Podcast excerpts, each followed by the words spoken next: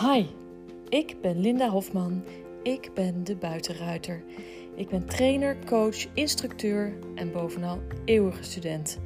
Ik leer iedere dag van mijn paarden en in deze podcast neem ik je mee in mijn leven met mijn paarden.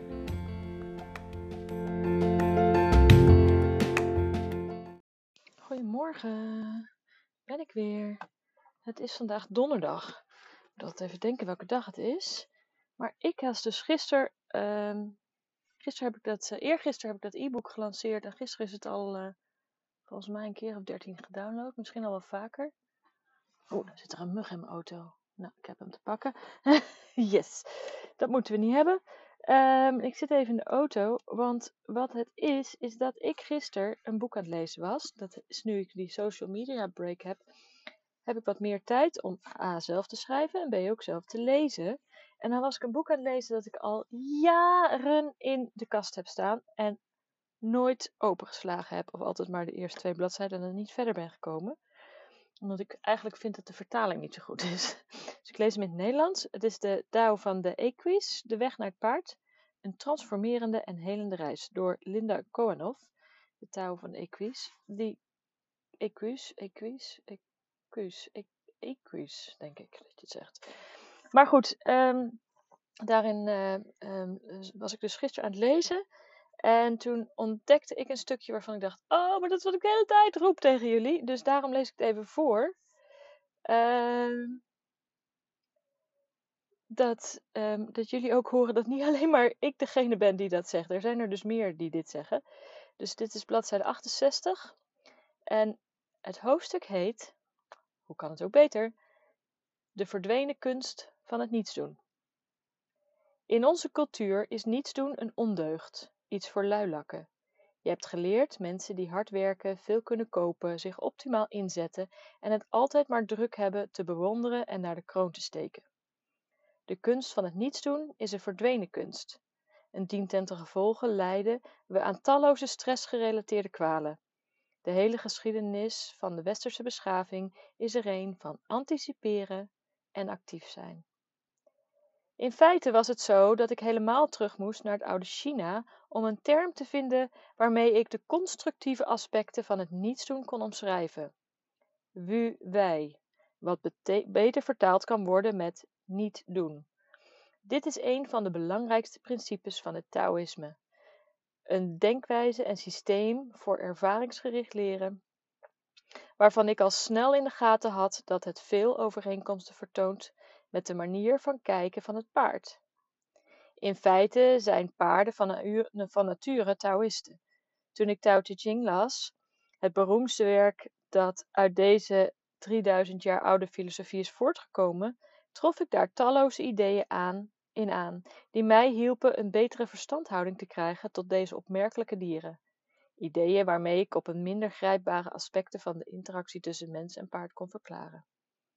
Het Taoïsme is het meest bekend door de cirkel met de twee in elkaar grijpende kikkervisachtige, kikkervisjesachtige vormen die samen het yin-yang-symbool vormen. Dat staat voor het evenwicht tussen de tegenpolen in het universum en in de menselijke psyche. Wit en zwart, licht en donker, schepping en vernietiging, mannelijk en vrouwelijk, bewust en onbewust, geluid en stilte, iets doen en niets doen.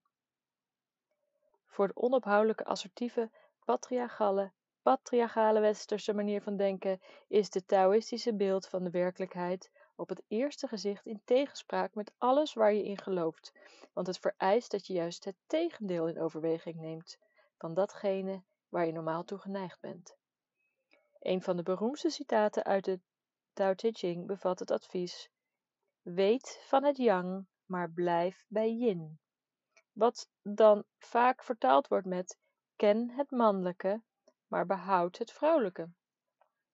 Toen ik me tussen de paarden begaf, begon ik naar die filosofie te leven. Door mijn avonturen met Noche en Raza, de, de, eventjes noot tussendoor, Noche en Raza zijn haar paarden, waar ze over vertelt in het boek. Door mijn avonturen met Noche en Raza ontdekte ik dat er, wanneer ik vreselijk mijn best had gedaan en alles mis was gegaan, altijd nog een veelbelovende optie bestond. Niets doen. Hetgeen op de lange duur vaak effectiever bleek dan welke verstandelijke oplossing dan ook. Als de logica het in een bepaalde situatie af liet weten, lieten de paarden me zien dat een volslagen irrationeel idee, dat via mijn hoofd, mijn hart of mijn dromen tot me kwam, me bij de waarheid bracht. Ze hebben me er herhaaldelijk aan helpen herinneren dat al die dingen die als vrouwelijk beschouwd worden, gevoel in plaats van verstand, intuïtie in plaats van redenering, prooi in plaats van roofdier, relatie in plaats van territorium, samenwerken in plaats van competitie, proces in plaats van doel, mededogen in plaats van oordeel. Mijn sterke punten blijken te zijn. Na verloop van tijd namen deze wijzen op vier benen, dus de paarden, en me mee naar een rijk zonder woorden dat zo ver van de platgereden paden aflag, dat mijn meest basale veronderstellingen over de aard van de werkelijkheid erdoor in twijfel werden getrokken. Nou, um, zij vertelt dit natuurlijk allemaal um, heel erg diepzinnig. En ik ben niet zo van het, uh, van het schrijven in, uh, in, met, met die woorden. Ik ben meer van het uh, schrijven met gewoon Nederlands. En ondertussen ga ik de auto starten. Want nu heb ik voorgelezen, nu kan ik de auto starten. Um, dus, um, maar wat ze in feite zegt, is dat, um, en dat zegt ze ook verderop in het boek ook nog een keer, de paarden ons eigenlijk meer bij de, wat ze in de, is, ja, in de intuïtieve wereld, zeg maar, in de spirituele, spirituele wereld, in de energiewereld noemen als vrouwelijke energieën. De paarden zijn eigenlijk de brug tussen um, ook in, het, in de uh, bijvoorbeeld in de Keltische mythologie, in de Oosterse mythologie, in de Arabische mythologie ook, um, zijn de paarden de brug tussen het spirituele en het aardse. Omdat paarden een bepaalde manier met ons communiceren als wij die toestaan. Dus altijd maar vanuit um, die kracht, die, zoals ik dat noem, die uh, gorilla, um, met veel bombari, uh, met je paard communiceren, is een hele mannelijke energie. Terwijl paarden, als je dus samen niets gaat doen en gaat luisteren en gaat opletten en gaat voelen, dan kom je meer bij die vrouwelijke energie, meer die flow in de dingen. En dan um, wordt het paard ook zachter in zijn relatie naar jou toe, opent zich meer op, opent zich meer, um, laat jou meer uh, bij jezelf komen, houdt je meer een spiegel voor, of dan minder een spiegel voor, zelfs nog op een andere manier een spiegel voor eigenlijk, moet ik het zeggen. Want juist als je met die harde uh, mannelijke energie aankomt, dan houden ze je spiegel voor van ja, uh, hier heb ik geen zin in.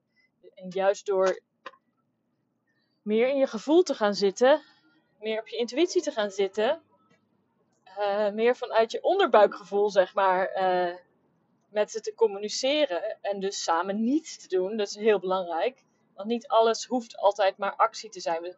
Dat actie, dingen doen, vanuit actie is ook een hele mannelijke energie. En ja, natuurlijk hebben we daar een balans in nodig. En we hebben ook actie nodig. We kunnen niet, inertia is ook niet wat we zoeken. Maar uh, alleen maar actie, wat wij doen, is niet waar we naar uh, zoeken. Is niet uh, wat we van de paarden kunnen leren. Van de paarden kunnen we juist leren um, te communiceren vanuit ons lichaamstaal, vanuit ons gevoel, vanuit het samen zijn. Daarom is het heel belangrijk om tijdens je trainingen af en toe even helemaal niks te doen. Niet alleen maar vragen, vragen, vragen, vragen, vragen, maar ook juist release, release, release, release, release. Is misschien nog wel belangrijk. Ja, nee, dit is een, dit is een balans. Het is, alles is in balans. Maar omdat wij te veel uh, alleen maar vragen, moeten we veel meer releases doen om die balans terug te krijgen. Dus daarom zeg ik altijd, geef release, samen niks doen. Dat is de grootste beloning die je paard kunt geven. Maar dat is dus, ik ben dus niet de enige die dit zegt. En dit boek, dit heb ik al, nou, ik denk al wel uh, 10, 15 jaar in de kast staan. Maar ik heb het nooit gelezen. Ben er gewoon nooit toegekomen, omdat ik dan, ja, dan begin ik aan die eerste bladzijde, vind ik de vertalen, Nederlandse vertaling niet zo lekker lopen. En dan, uh, dan leg ik hem weer weg, of de, de, de inhoudsopgave, of de, weet je, de, weet het, de inleiding is dan te wollig en dan kom ik er niet doorheen. En dan leg, leg ik het weer weg. Maar nu was ik het dus begonnen. En ik dacht, ja, ik wil hem toch wel lezen. Dus dan moest ik even door die inleiding heen worstelen. maar het is gewoon een goed boek. Is echt een goed boek. Ze kan ik je aanraden van Linda Kohanov. Uh, de Touwen van Equus. Dus uh, ga hem lezen en ga vooral samen niks doen. dat is eigenlijk de boodschap hierin. En ga die verbinding zoeken met je gevoel, met, je, met dat onderbuikgevoel. En niet alleen maar vanuit we moeten, moeten, moeten, moeten, moeten, we moeten presteren, we, moeten die competitie doen. Dus misschien is dat ook wel de reden dat ik uh, niet met, uh, me weer in wil laten met competitie met mijn paard. Omdat dat voelt niet goed. Dan gaan we een prestatiedrang voor anderen, gaan we iets doen om te laten zien dat we iemand zijn of iets kunnen. En, en daar wil ik helemaal wegblijven, want ik ben, ik heb geen paard om iets aan een ander te bewijzen. Ik heb mijn paarden om zelf mee uh, te groeien en mee te experimenteren en, en te kijken uh, waar, ehm, waar, waar ik de verbinding kan maken. En niet om naar anderen toe te bewijzen dat ik dat kan. Dus dat is voor mij heel belangrijk om uh, niet die competitie te doen. En we hadden nu, omdat we die nieuwe rijbak krijgen, nou ja, die zijn, wordt nu is vol in de maak, dus die wordt nu aangelegd.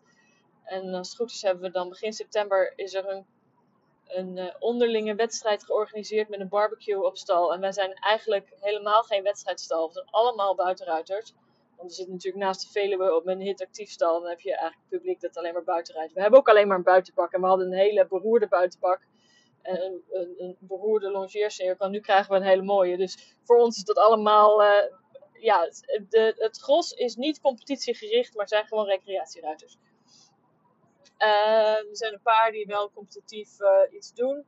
Dus of springen, of een endurance ruiter ertussen zitten we hebben een dressuurruiter ertussen zitten. En, nou, dat, dat is het zo'n beetje. Maar het gros doet eigenlijk niks qua competitie. En nu heeft dus de, degene die de dressuurruiter bij ons op stal, die heeft uh, uh, een onderlinge wedstrijd georganiseerd met een barbecue. En de grap is dat ik dacht, leuk dat ze het organiseert, maar nee, dat is niet voor mij om mee te doen. Ik hoef niet te laten zien wat ik kan. Dat de, die competitie, die, die, die, die heb ik helemaal niet meer met, met de paarden. En ik heb natuurlijk wel in het verleden wedstrijden gereden. En ik ben, als we dan spelletjes doen, ben ik super competitief. En uh, wil ik ook heel graag winnen. Uh, kan ook best wel goed tegen mijn verlies overigens hoor. Want als ik weet dat ik uh, stomme fouten gemaakt heb, ja, dan is het mijn eigen schuld, zeg maar. En als ik zie dat iemand anders beter is, is dat ook, ook oké. Uh, maar ik wil wel heel graag winnen. Dus ik ga altijd mijn best doen om, uh, om te winnen.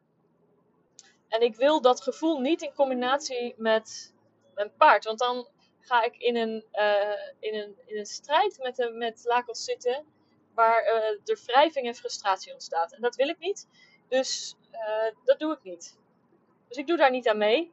En Lakos kan prima een sprongetje maken. Wordt er helemaal hyper de pieper van, overigens. En wij kunnen prima een uh, dressuurproefje rijden. Um, als we dat zouden willen. Maar ik wil dat niet. En behendigheid kunnen we ook wel doen. Maar ik heb daar helemaal geen zin in om me op die manier te meten en die competitie te voelen. Dus ik heb voor mezelf voorgenomen daar dan niet aan mee te doen. En ik, ik, moest dus ook wel grinniken toen ik hoorde van de week van um, de organisator dat er zich één iemand heeft ingeschreven voor de wedstrijden. Eén iemand. Zo niet competitief zijn alle mensen bij ons op stal. Iedereen had zich ingeschreven voor de barbecue, maar niemand voor de wedstrijd. dus we willen het wel allemaal gezellig hebben met elkaar. En ik denk dat heel veel recreatieruiters die dus niet meer in die competitie zitten, al veel meer uh, met hun paard bezig zijn. Gewoon vanuit het, het zijn en de rust en de gezelligheid. En ik vind het leuk om met mijn paard iets te doen. In, uh, dan dat er een druk van een moeten op zit. Uh, dus dat, dat, dat, is erg mooi. Hoewel ik ook bij recreatiesruiters natuurlijk oud, oud aangeleerd gedrag zie. Wat je bij veel maneges leert. waarvan ik dan denk, hm, jammer. maar goed, dat, dat is los daarvan. Um, is het uh, uh, wel leuk om te zien dat, dat er dus bij ons op stal weinig competitiedrang is. Ook naar elkaar toe niet. Dus eerder dat we elkaar helpen en, en laten zien ehm, hoe dingen beter kunnen. En dat degene die dan echt van de, de, de, wedstrijdjes en de competitie zijn, die, ja, die zijn eigenlijk langzamerhand allemaal toch naar alle andere stallen vertrokken, omdat dus niet past bij ons op stal. Um, maar goed, daar ging het niet om. Samen niets doen, daar kwam het eigenlijk op neer. die uh, balans tussen yin-yang, die balans tussen de mannelijke en vrouwelijke energie en dus ook de balans tussen uh, gewoon samen zijn in plaats van die competitie aangaan met elkaar. Um, samen niets doen. Ik denk dat je. Um, ik heb het in mijn e-book ook al een paar keer weer opnieuw geschreven. Ik zeg het in podcasts heel vaak. Samen niets doen is de grootste beloning die je paard kunt geven. Omdat als wij naar onze paarden toe gaan, dan willen we altijd wat van ze. En ga nou eens gewoon naar je paard toe en ga eens gewoon lekker in de wei zitten. Samen niks doen. Ja, wel op een veilige manier natuurlijk. als je hele reactieve paarden hebt, moet je misschien niet op de grond gaan zitten. Maar ga eens gewoon in je buurt bij je paard gewoon eens even lekker niks doen. En als je niks doen heel moeilijk vindt, neem je een boekje mee. Ja, ga even lezen. Dan ben je ook al anders bezig. Maar dan zit je weer meer in je hoofd. Dus, uh, maar gewoon, ga eens even lekker zitten. Ga eens even kijken. Luister naar de vogels. Haal eens diep adem. Wees eens gewoon in het hier en nu als je bij je paard bent. En uh, kijk eens hoe je paard daarop reageert. In plaats van uh, er naartoe te lopen, het halster om te doen en mee te nemen en meteen iets te willen. En dat doe je dan uh, met heel veel energie. Energie die jij vanuit onze samenleving meeneemt naar je paard toe. Eh, de energie van het moeten, van presteren, van uh, de, de to-do-lijstjes, de, uh, het schoolwerk of je, je werk of je um, de, dingen van je gezin, eh, de, je financiële toestand en de spanning die dat oplevert. Hoeveel, hoeveel spanning financiën vaak opleveren voor mensen. Maar ook de emotionele druk die jij meeneemt in jouw rugzakje als je wei in loopt, daar heeft je paard gewoon heel vaak geen zin in. Dus samen niets doen, eventjes gewoon ademhalen in het hier en nu. Even, misschien als je een beetje kan mediteren, ga eens bij je paard in de buurt mediteren. Gewoon eventjes je gedachten de vrije loop laten en je gedachten de gedachten laten zijn. En niet meteen als waarheid aannemen, maar ze gewoon zien als um, dat dat jouw gedachten zijn. Dat is mediteren eigenlijk. En mediteren is niet eens zozeer uh, dat je helemaal uh, in uh, lotushouding moet gaan zitten en in een bepaalde verlichte staat moet zijn. Maar bij het mediteren um, observeer je eigenlijk wat er gebeurt in, in, je, um, in je hoofd. En alle gedachten en angsten en dingen die er, flarden die er in je hoofd, in je voorbij komen, in je gedachten. Die, die observeer je, die zie je.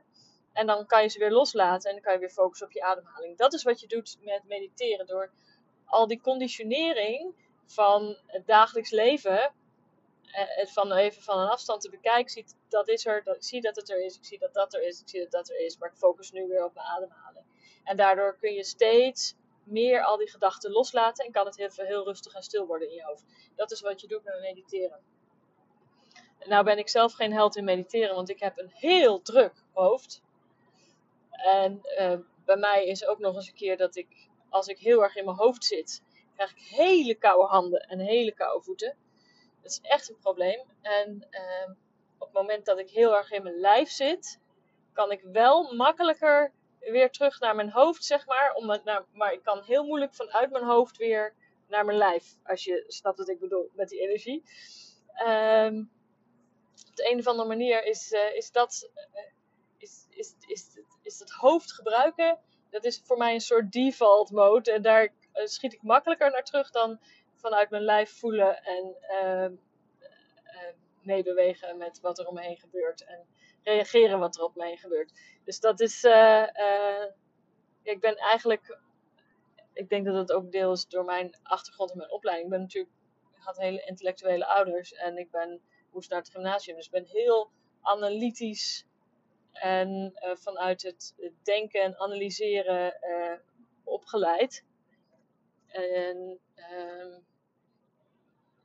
alles wat vrouwelijk was en alles wat um, zacht was, was niet oké. want mijn vader vond dat je als vrouw moest je een beetje uh, hard opstellen. Want anders, ja, dan kon je nergens komen en dan werd je ondergesneeuwd. En het was toen in die tijd van de emancipatie. En het, ja, je moest als vrouw moest je, je neerzetten en dan moest je er gaan staan. En moest je iemand zijn. En, maar dat, eigenlijk is dat vanuit een hele mannelijke energie jezelf neerzetten. Terwijl en, dat is heel analytisch ook, van ja, uh, ik moet zus en zo gedragen, want anders word ik niet geaccepteerd. Terwijl je dan um, niet vanuit je gevoel, je mag, ik, mijn vader had er een hekel aan als, als uh, vrouwen te zorgzaam waren. Dat vond zo'n vrouwen-eigenschap. dat, is, dat is heel grappig, want hij was heel erg voor de emancipatie en hij was ook de huisvader. Maar qua qua zorgzaamheid. Ik mocht niet zorgzaam zijn, want dat was echt zo'n stomme vrouweneigenschap. Dus die conditionering die daar dan op zit in mijn hoofd, op dat gevoel en het zorgen. En um, ik, vond het dus ook heel moeilijk toen ik uh, uh, zwanger was van Madieke. Om, uh, toen was ik ook op een gegeven moment alleenstaande moeder. Dus ehm, om, om dan voor mezelf te kiezen, voor mijn kind te kiezen. En later was ik weer terug bij de vader en hebben we nog een kind gekregen, Lotta. En toen, op een gegeven moment heb ik gezegd van ja, weet je, ik blijf thuis voor de kinderen. En daarmee maakte ik mij financieel afhankelijk in plaats van onafhankelijk. Maar ik wilde voor de kinderen zorgen. Want ik, en ik vond dat die keus die ik daar maakte, dat dat een geëmancipeerde keus was. Omdat ik de keus maakte om voor de kinderen te zorgen. Maar ja, dus vanuit mijn conditionering was het natuurlijk heel moeilijk. Want iedereen vond het echt super stom. Want je moet toch financieel onafhankelijk zijn. En je moet iemand zijn. En je moet iemand worden. Maar voor mij op dat moment was dat de beste keuze. Uh, en voor mijn kinderen was dat ook de beste keuze. Zeker voor Madieke.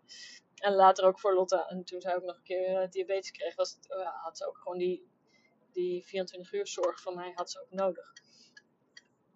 Uh, dus ik ben pas later weer aan het werk gegaan. En heb pas veel later me ook weer echt financieel onafhankelijk gemaakt. Dus nu, na mijn scheiding, was het voor mij super belangrijk om financieel onafhankelijk te worden. Omdat ik daarna de keerzijde van het financieel afhankelijk zijn ook had meegemaakt en dat niet meer wilde. Dus toen heb ik me helemaal kapot gewerkt, uh, een paar jaar. En dat heeft dus eind vorig jaar, eind uh, 19, 2019, begin 2020. Zeg ik dat goed? Nee, eind, eind 2020, begin 2021, want zo lang is het nog niet geleden. Heb, heb, ben ik dus in een burn-out terechtgekomen, vijf maanden thuis gezeten. En dat, komt dan vooral omdat ik heel erg juist weer in die mannelijke energie was gaan zitten van ik moet me bewijzen, die oude conditionering. Ik moet financieel onafhankelijk zijn. Dan vind ik het wel belangrijk om financieel onafhankelijk te zijn, omdat je daarmee gewoon de ruimte hebt om je eigen keuzes te maken. Maar ik was dus ook kostwinner. Ik moest voor mijn kinderen zorgen. Ik had enorm veel stress. Dus het was alleen maar op, uh, op wilskracht aan het, aan het doorgaan en doorgaan en doorgaan om het hoofd boven water te houden. En toen ben ik weer daardoor uitgevallen. En nu, zie, nu kan ik meer zien dat ik echt keuzes kan maken vanuit mijn onderbuikgevoel. En ja, dat lesgeven met paarden en mijn kennis daarover delen, dat is gewoon helemaal wat ik wil.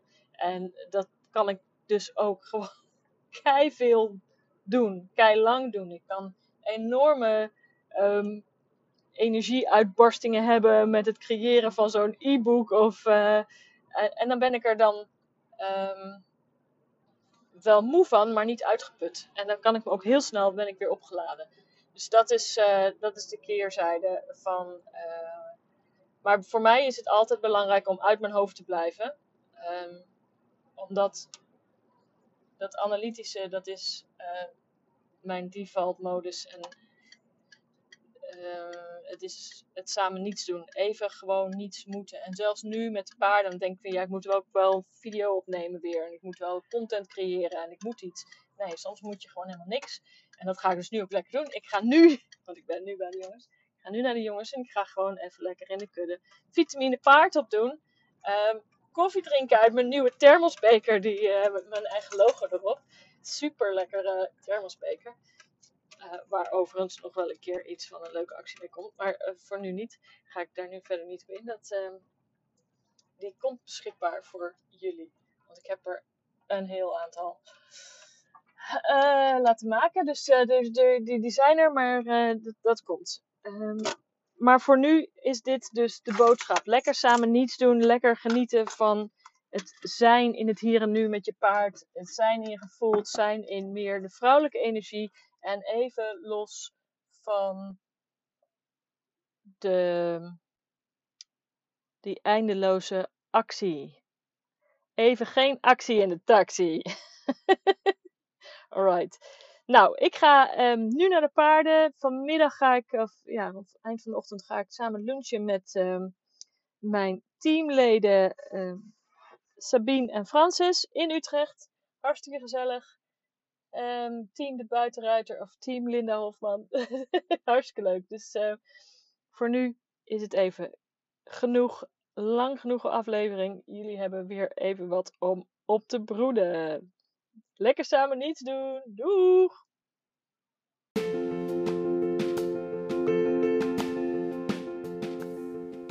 Hey, wat leuk dat je geluisterd hebt naar deze podcast. Wil je mij een plezier doen en een review achterlaten op een van de kanalen waar je deze podcast hebt geluisterd?